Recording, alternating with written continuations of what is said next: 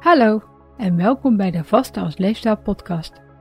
Mijn naam is Amanda Kortman, ik ben gewichtsconsulent en omdat er zoveel slechte informatie over vasten verspreid wordt, hoop ik het met deze podcast zo te verduidelijken dat voor iedereen kan werken. Je vaststel wanneer je langer dan 12 uur niks neemt wat vaste stopt, dus is makkelijker dan je denkt.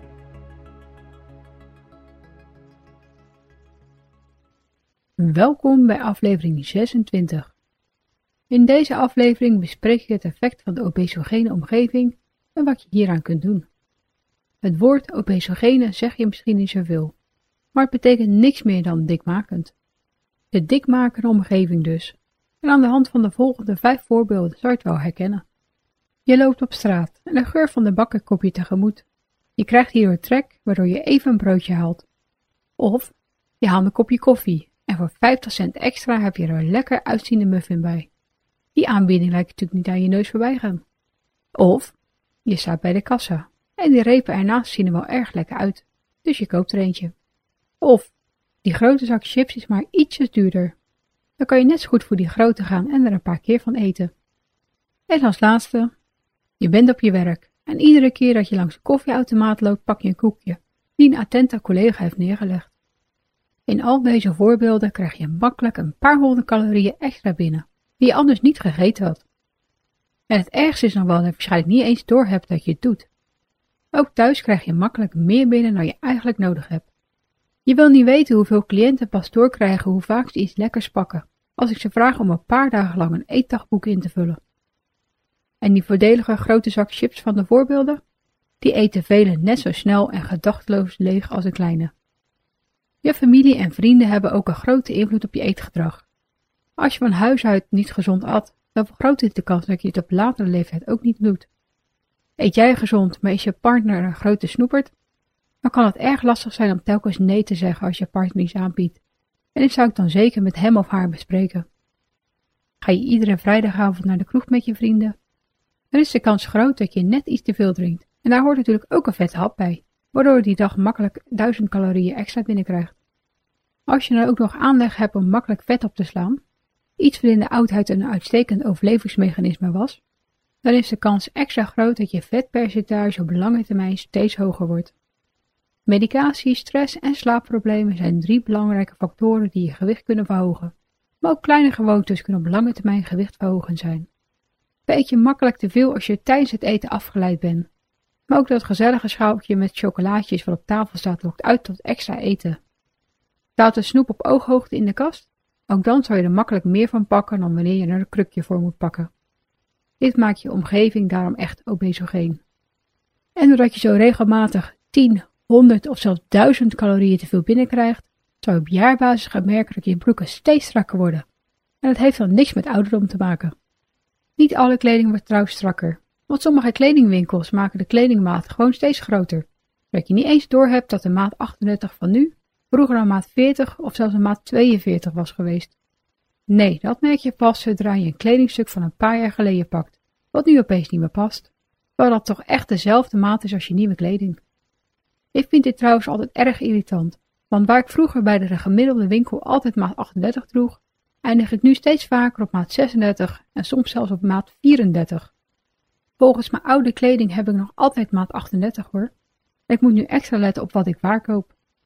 Maar ja, door de obesogene omgeving gaat het gemiddelde gewicht nog steeds omhoog. En vooral kleding uit buitenlandse winkels groeit even hard mee als de bevolking. We worden zowel buiten als binnen gewoon te makkelijk aan voeding blootgesteld. Combineer dit allemaal met de vele leugenachtige gezondheidsclaims die op voedselverpakkingen staan, en dan vind ik het niet gek dat het steeds meer overgewicht is. Tot de jaren 80 was het heel normaal om alleen de hoofdmaaltijden te eten, en tussendoortjes waren vooral voor speciale gelegenheden. En hoewel ze sinds de jaren 50 al langzaam en zeker in opkomst zijn, was het voor velen nog geen gewoonte om ze dagelijks te nemen. Ze waren toen ook nog niet zo geperfectioneerd als nu. Het ontwikkelen van voeding is een miljardenindustrie, wat alles natuurlijk niet alleen veilig moet zijn, maar ook al onze zintuigen zo moet beïnvloeden dat we het heel graag willen eten. Doordat het hiernaast vaak maar een lage voedingswaarde heeft, groot dit verder de kans dat we er veel van eten als we dan ook nog eens, mede door de voedingsindustrie, wijsgemaakt worden dat we drie hoofdmaaltijden en drie of zelfs vier tussendoortjes moeten eten, dan luister hier maar al te graag naar. Alles eet ook lekker makkelijk weg, zodat je er amper op hoeft te kauwen en je het alleen maar uit de verpakking hoeft te halen. Ook de hoofdmaaltijden zijn echt gemaksvoedsel geworden. Heb je geen zin om zelf te koken? Dan ga je toch gewoon een frietje halen of laat je het bezorgen. Kant-en-klaar maaltijden zijn ook erg populair. Stop het even in een magnetron of oven en terwijl je rustig op de bank zit te relaxen, is het eten binnen de kortste keren klaar. Ook deze zijn erg smaakvol en eten makkelijk weg. Maar ze bevatten ook vaak heel veel calorieën en weinig waardevolle voedingsstoffen of vezels, waardoor de voedingswaarde laag is en het amper vult. Hierdoor zou je lichaam om de belangrijke vitamines, mineralen en eiwitten blijven vragen die het hierdoor mist. Ook de porties van maaltijden, tussendoortjes en drank zijn door de jaren heen steeds groter geworden. Dat kan je wel zien aan de ouderwetse serviezen die kleiner zijn dan het servies wat we nu gebruiken. Het probleem van het grote servies is dat deze veel minder vol lijkt, waardoor je ongemerkt meer neemt en je jezelf sneller zult overeten. Veel mensen moesten als kind ook altijd hun bord leeg eten, en het is behoorlijk lastig om die gewoonte weer af te leren en goed naar je lichaam te leren luisteren.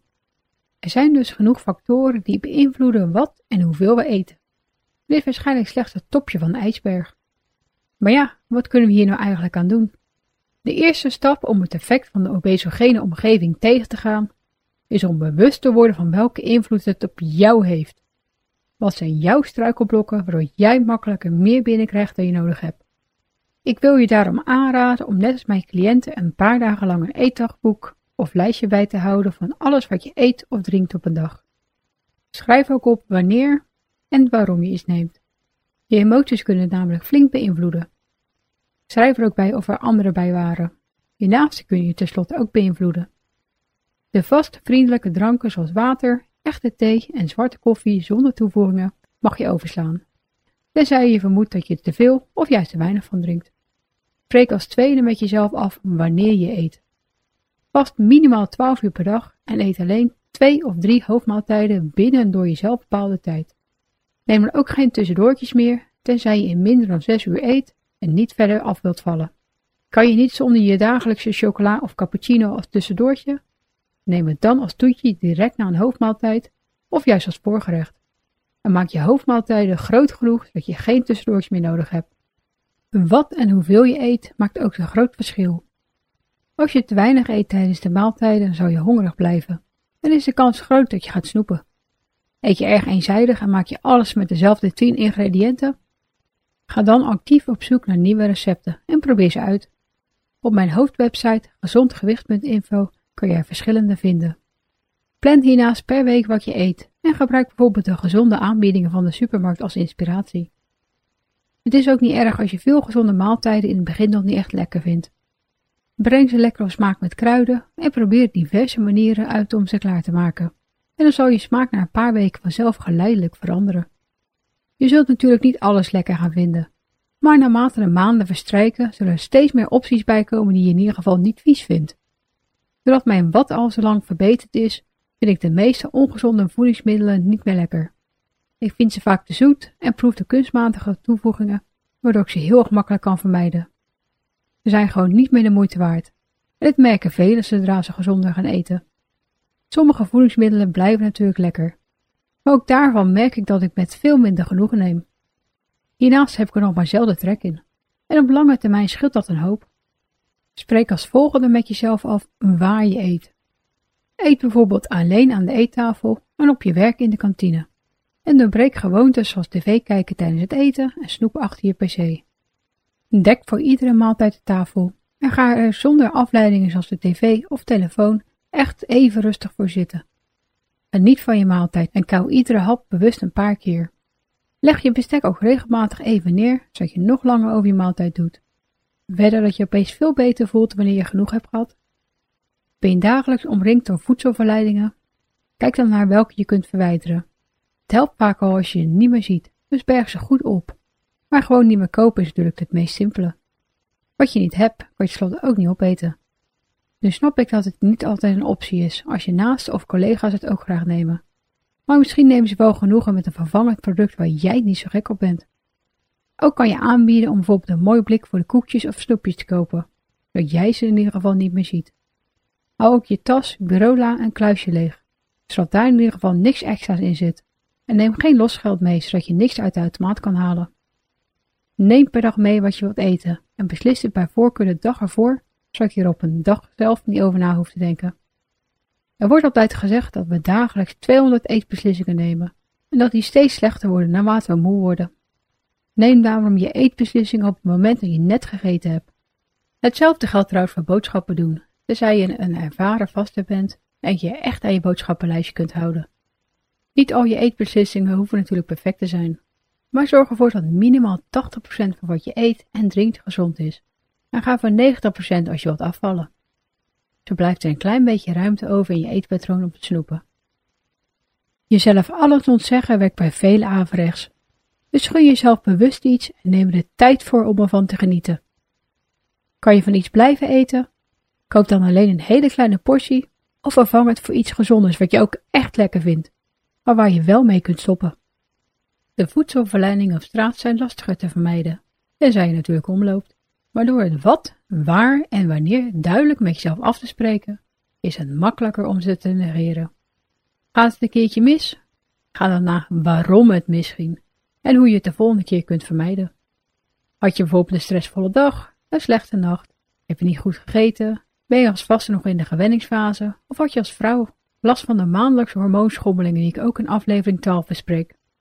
Ik kan er allemaal voor zorgen dat je eetbeslissingen minder goed zijn en zie je daarom nooit als falen, maar als een leermoment. De volgende keer zal het ongetwijfeld beter gaan. Onze omgeving is nou eenmaal ontworpen om zoveel mogelijk te verkopen. En door hierbij stil te staan en door van je fout te leren, ontsnap je uiteindelijk echt wel uit de obesogene omgeving. En het omlopen wat ik net even snel zei. Voldoende beweging zorgt ervoor dat je beter in je vel zit en voedselverleidingen beter kunt weerstaan. Je vermijdt ze dus niet alleen, het is nog stressverlagend ook. Win-win dus.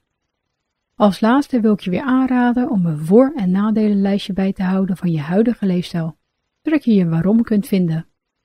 In mijn blog Afval is kan je een simpel voorbeeld vinden.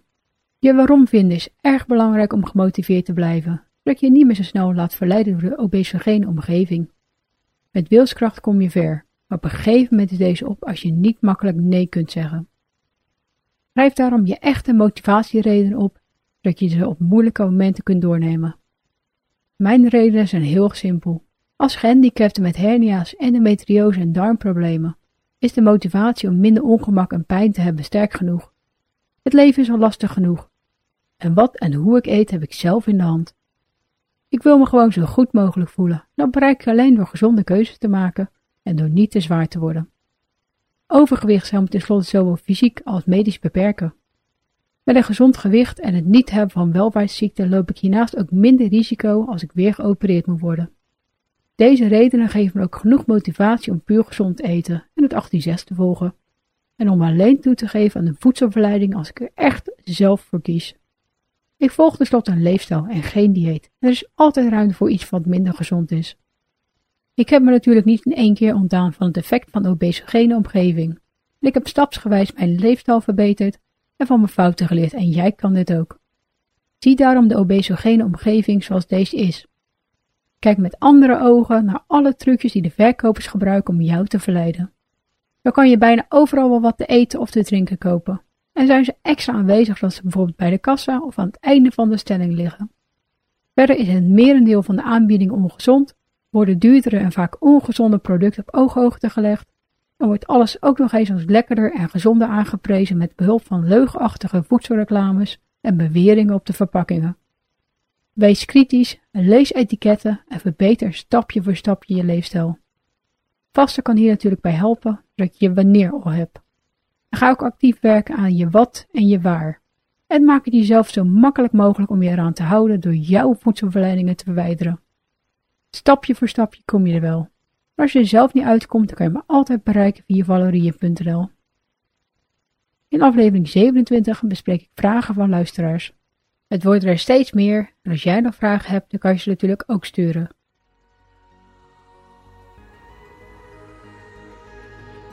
Bedankt voor het luisteren en vergeet niet dat je de onderwerpen en bronnen altijd in de omschrijving van de aflevering kunt vinden. Weet je niet zeker of sommige tips of adviezen ook voor jou geschikt zijn? Bespreek ze dan natuurlijk altijd met je arts. Heb je nog vragen of opmerkingen? Of heb je behoefte aan persoonlijke begeleiding? Kijk dan op valerien.nl voor meer informatie.